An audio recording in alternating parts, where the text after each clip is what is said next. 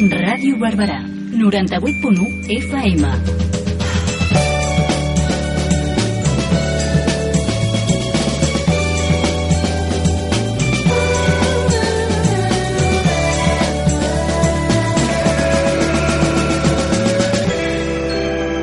Més de 20 anys al teu costat.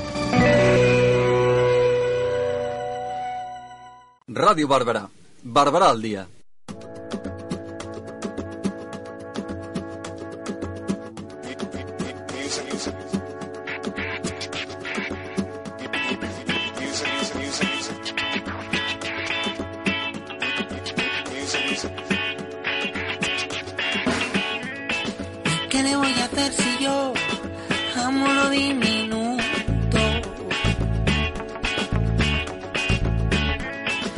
¿Qué le voy a hacer si yo no quiero que el océano sea tan profundo? No, no. ¿Qué le voy a hacer si yo en lo pequeño encontré la fuerza de mi mundo? Oye. ¿Qué le voy a hacer si yo pienso que ellos y nosotros sumamos uno? ¿Qué le voy a hacer? Y es que gotas sobre gotas somos olas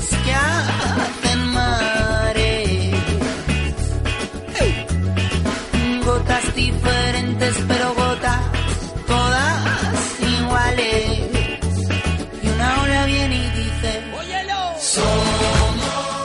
El 25 de novembre va ser declarat Dia Internacional contra la Violència de Gènere el juliol de 1981, en el context del primer, de la primera trobada del primer encuentro feminista de Latinoamèrica i del Caribe celebrat a Bogotà, Colòmbia. En aquesta trobada, les dones van denunciar la violència de gènere en l'àmbit domèstic i la violació i l'assetjament sexual en l'àmbit dels governs, incloent-hi la tortura i els abusos que patien moltes, moltes presoneres polítiques. Es va escollir aquest dia per commemorar el violent assassinat de les tres germanes Mirabal, Pàtria, Minerva i Maria Teresa, tres activistes polítiques assassinades el 25 de novembre de 1960, mentre anaven a Puerto Plata a visitar els seus marits empresonats en mans de la policia secreta del dictador Rafael Trujillo a la República Dominicana. Dedé, que viu a Bèlgica, és l'única germana que ha sobreviscut. Els seus cadàvers destrossats van aparèixer al fons d'un barranc. Per al moviment popular i feminista de la República Dom- Dominicana, històricament aquestes dones han simbolitzat la lluita i la resistència. El 1999, l'ONU va donar caràcter oficial a aquesta data. A Barberà del Vallès aquesta és una data important i treballar el tema de la violència vers les dones es fa durant tot l'any i des de fa molt de temps. Vam ser un dels primers ajuntaments, primeres ciutats que va tenir regidoria pròpia, temàtica i especialista en aquests temes. Però també cal dir que la commemoració d'aquesta data a la nostra ciutat té molta importància i sempre hi ha un ampli programa curós per eh, sensibilitzar, per parlar, per debatre d'aquestes qüestions. Avui el programa d'actualitat d'activitats el posarem sobre la taula. Parlarem de les activitats organitzades per les associacions, les entitats i des de la pròpia regidoria. Amb qui? Doncs amb la regidora del programa per la igualtat, amb l'Alvira Maza. Bon dia, benvinguda. Bon dia, Lluís, gràcies a vosaltres. Uh, jo deia un programa curat, sempre es fa un programa curat i sempre estem molt present eh, els objectius de sensibilitzar, de, de provocar debat i de que la gent no s'oblidi d'aquest problema, no?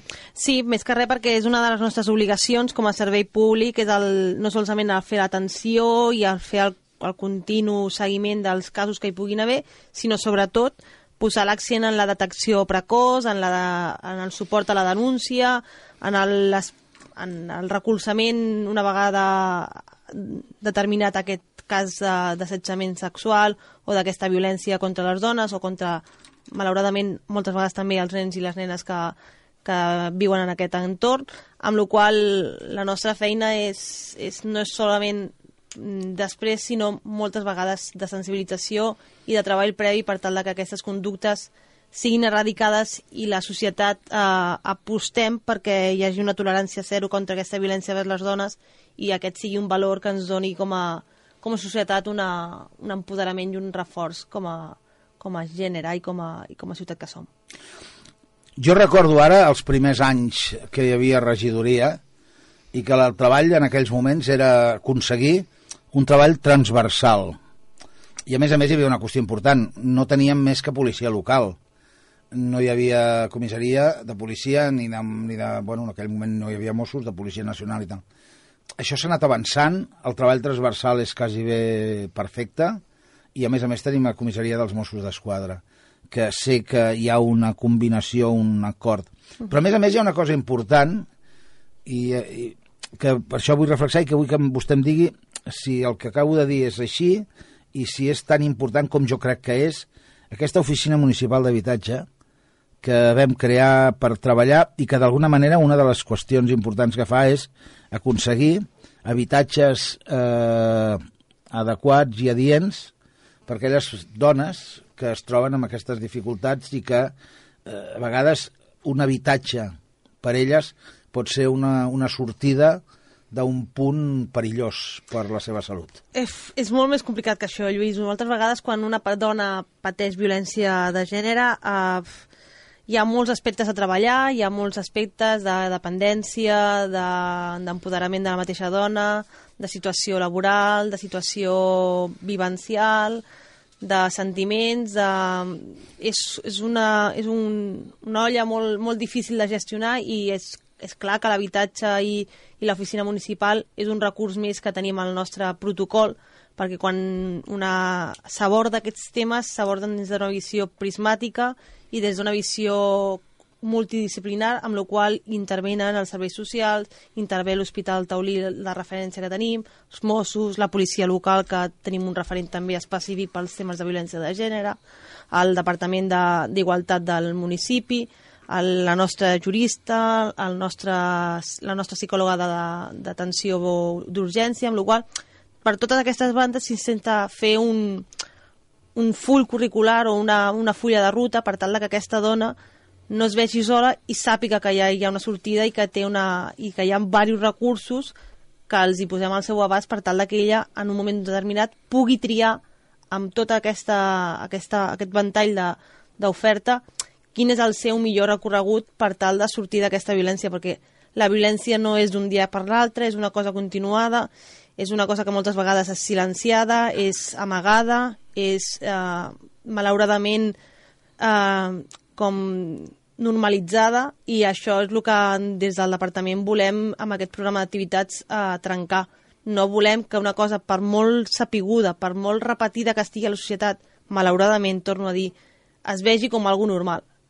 Mm, tenir violència vers les dones o tenir una, un espai on no et pots desenvolupar plenament, on et veus mal mm, inferioritzada, on et veus maltractada, on et veus eh, no t'hi veus reflectida, no és un espai adient, no és un espai profitós, no és un espai bo, amb la qual hem de trencar aquestes visions de que li pega lo justo. No, no li pega lo justo, no li ha de pagar. O sigui, les relacions han de ser entre iguals, amb les mateixes condicions, i no pot haver ningú que estigui en el seu espai públic o privat en el que es vegi mal, maltractada o es vegi violentada.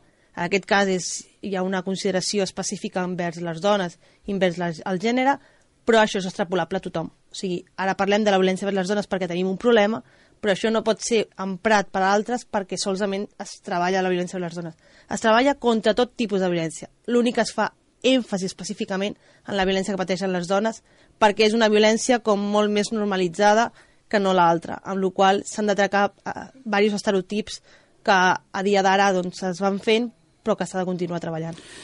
Jo, jo possiblement m'he explicat malament, el que volia dir era que davant de les demandes que s'anaven fent, jo recordo sí. la, que fins i tot eh, eh, aquí havíem fet debats, que, que tu recordes perfectament, sí. amb altres regidores d'altres llocs, la, la, la, la capacitat econòmica de sí, les dones la dependència econòmica. I, I jo he volgut afegir la guinda aquesta, no?, de les, mm. això. Mm, una qüestió. Sí. La, la violència és, i, i m'ha agradat la referència a les violències en generals, perquè, clar, hi ha violència per nens, hi ha violència per avis, hi ha violència, aquestes violències domèstiques que a vegades passin desapercebuts, però clar, estem parlant de la de, la, de, la, de les dones. La violència ja, es veu, hi ha la que es veu i hi ha la que no es veu.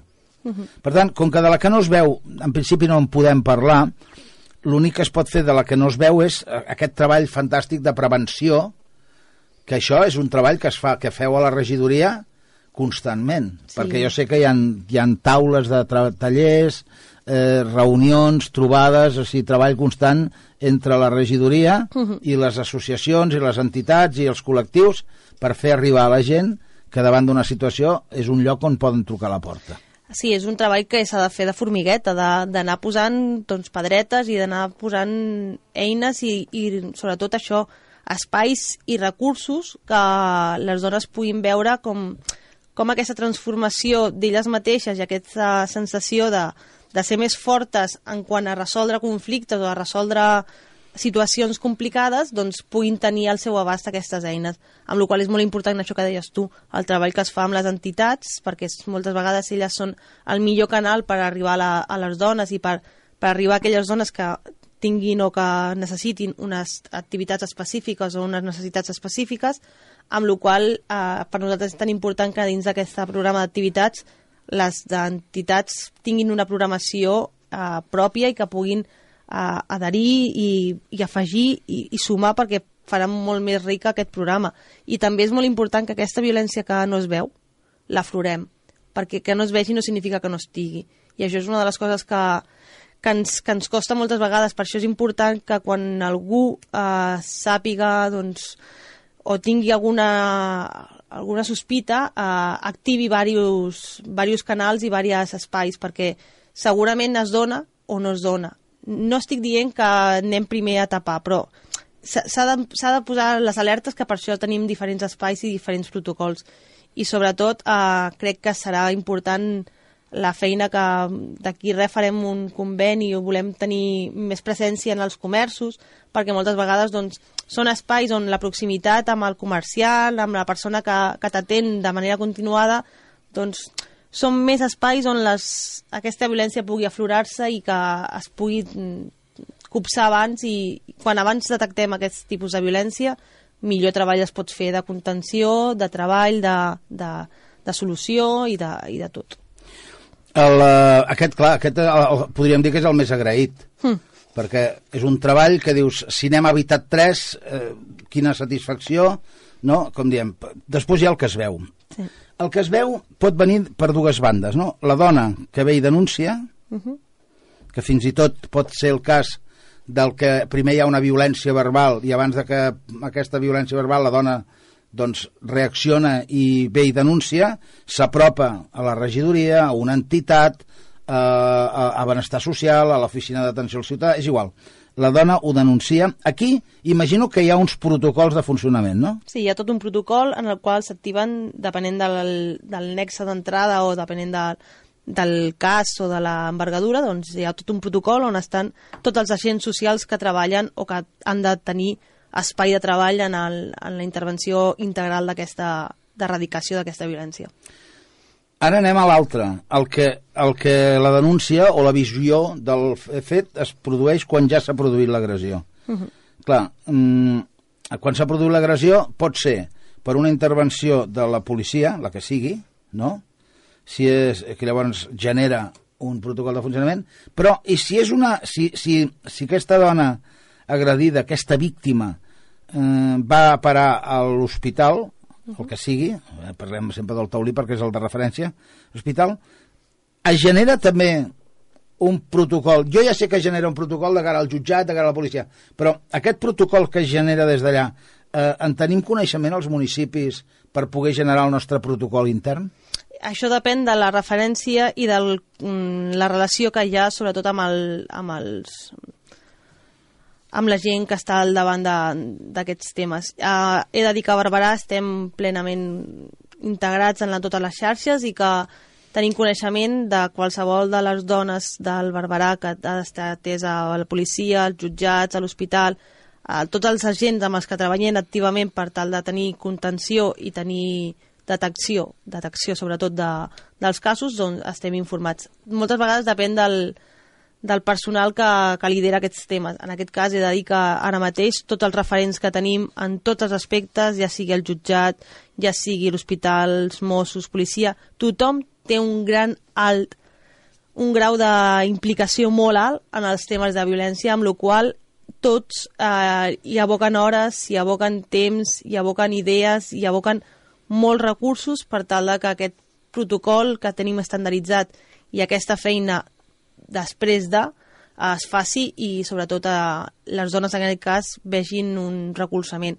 Jo haig de dir sobretot que parlem molt de la violència física, però hi ha altres tipus de violència que també les, les treballem, que també les tenim presents i que moltes vegades, doncs això, torno a dir, semblen com més mm, normalitzades i no hem, de, no hem de donar normalitat a alguna cosa que no és normal.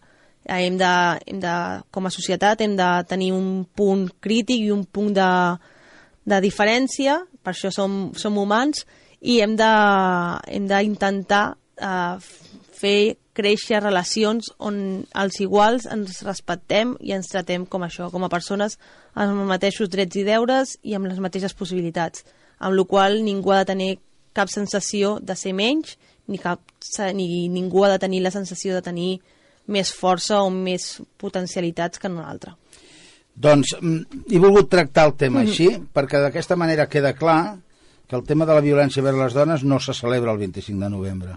No, es treballa durant tot l'any i l'únic que fem el 25 I... és, com deia al principi, recordar un fet que un va fet. posar la República Dominicana. I, I que a partir ens... d'aquí, doncs, tenint molt clar de que estem parlant d'un treball constant per donar tranquil·litat als que ens estan escoltant de que davant de qualsevol situació hi ha resposta. Si més no, hi ha un pla previst un pla previst que s'adapta a les necessitats en funció de cada cas i que Això si cal aportar-hi coses noves suposo que hi ha reunions habituals, hi ha la reunió de seguretat, hi ha les reunions diferents que es van uns amb els altres sí. apartant i, i posant al dia. Uh -huh. Parlem ara del programa. Okay. Uh, comença demà. Sí, tot just demà. A les 6 de la tarda amb, amb, amb un sistema que a mi em sembla interessantíssim, que és el de la pel·lícula debat. Uh -huh. És a dir, eh, de què parlem? De violència de les dones. Però vinga, parlem de la violència de les dones que aquí la gent vegi el que és i després d'aquí cadascú obrim el debat, no? Sí, sempre hem volgut que el Cinefòrum eh, és una cosa que creiem que funciona i que ens, ens dona una visió eh, il·lustrativa i després ens pot generar tot un debat en, en quant als, als, als diferents ítems que, que es treballen en aquesta, en aquesta pel·lícula. La pel·lícula no serà fàcil, ja, ja, ja ho dic d'avançada, però perquè és real. no és ni menys ni menys que, que un, una realitat que pot passar a qualsevol domicili, a qualsevol adolescent, i llavors el ser real doncs moltes vegades provoca aquesta sensació de, de copsó, d'algú diferent, per això es diu la por, perquè el, els sentiments de la por, del, del miedo, doncs on són sentiments i els sentiments són difícils de, de calibrar i bueno, jo crec que és important que puguem veure aquesta realitat que quedi clar que la gent no va distreure's. Bueno. Que la gent va veure una pel·lícula en la qual li es posaran el tema, el tema del dia, que és el tema de la violència vers les dones, i a partir d'aquí, doncs, a vegades veure, veure la realitat o veure, o veure com pot ser aquesta realitat a la nostra pròpia escala, als nostres veïns, o al nostre propi entorn, doncs fa mal, fa mal, és dolorós. Hem intentat sempre amb, amb, la, amb la regidoria, intentem doncs, que el dia, mm, quan fem la celebració del, del 8 de març, eh, sigui molt més lleugera però la del 25 de novembre creiem que pel mateix sentiment i pel mateix treball que es fa de, de continuat d'aquesta violència no podem caure en una pel·lícula més insubstancial, sinó que hem de treballar conceptes nuclears. Evidentment. Eh, fins al dia 25, que és el dia de, és el dia doncs, de, les, de la commemoració, uh -huh. i mhm. que aquell dia 25 els dos actes previstos són molt, molt, molt definits. Un és a les 12 del migdia, des de la sala de plens la lectura del manifest institucional amb la presència de l'alcaldessa o, uh -huh. o de l'alcaldessa de vostè i d'entitats de, i representants uh -huh. i del consistori uh -huh. eh, i a la tarda, a les 6 de la tarda la, la concentració a la plaça de la Vila uh -huh. eh, que és convidat tothom tothom, no, no dones, no, tothom uh -huh. eh, per eh, doncs, dir no a aquesta violència vers les dones amb la lectura d'aquest manifest que es llegirà a les 12 del migdia i es llegirà a les 6 de la tarda. A les 6 hi ha un altre manifest, que és Val. un manifest eh, ciutadà, diguem-ne que un és el manifest institucional i l'altre és un manifest institu no és institucional, és veïnal o ciutadà. El institucional no és un manifest de Barberà només. No, és un manifest que es va aprovar en el ple passat i que uh -huh. és un mhm. manifest que està consensuat amb les quatre diputacions, amb la Federació de Municipis, l'Associació Catalana de Municipis i la i a l'Institut Català de la Dona amb el recolzament de la Generalitat de Catalunya, amb la qual és un manifest on De totes país, les institucions, de on totes les institucions que treballen aquests temes i tenen uh, el punt de la violència vers les dones. Estem parlant de presentació de llibres, Uh -huh. per reflexionar també, el de la Marina Subirats, eh, Forjar un hombre, moldear una mujer, que ja és molt, molt significatiu el títol. Eh, les activitats es van desenvolupant d'aquesta manera. Durant el dia 15 hi ha una sortida a viure la vida dels, dels vapors, la vida de, de les colònies textils més que dels Això vapors. mateix.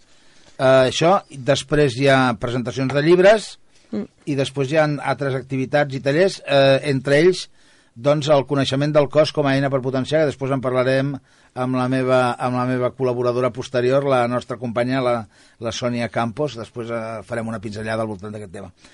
Mm, S'ha pensat una mica en tot, no? De donar una mica de tot, no? Del ventall global, no? Sí, donem, donem espai de reflexió, donem espai de creixement, com poden aquests, mm -hmm. ser aquests tallers o escai, aquests espais de reflexió de, de creixement personal, eh, donem espais de d'obertura de debats o de noves idees, com poden ser aquests llibres que ja els títols són Tu haz la comida que yo cuelgo los cuadros, Trampas y tramposos en la cultura de desigualdad, i l'altre que deies tu de la Marina Subirats també, el de Forjar un hombre, moldear una mujer, que com a títol ja ens donen referències de que no serà un...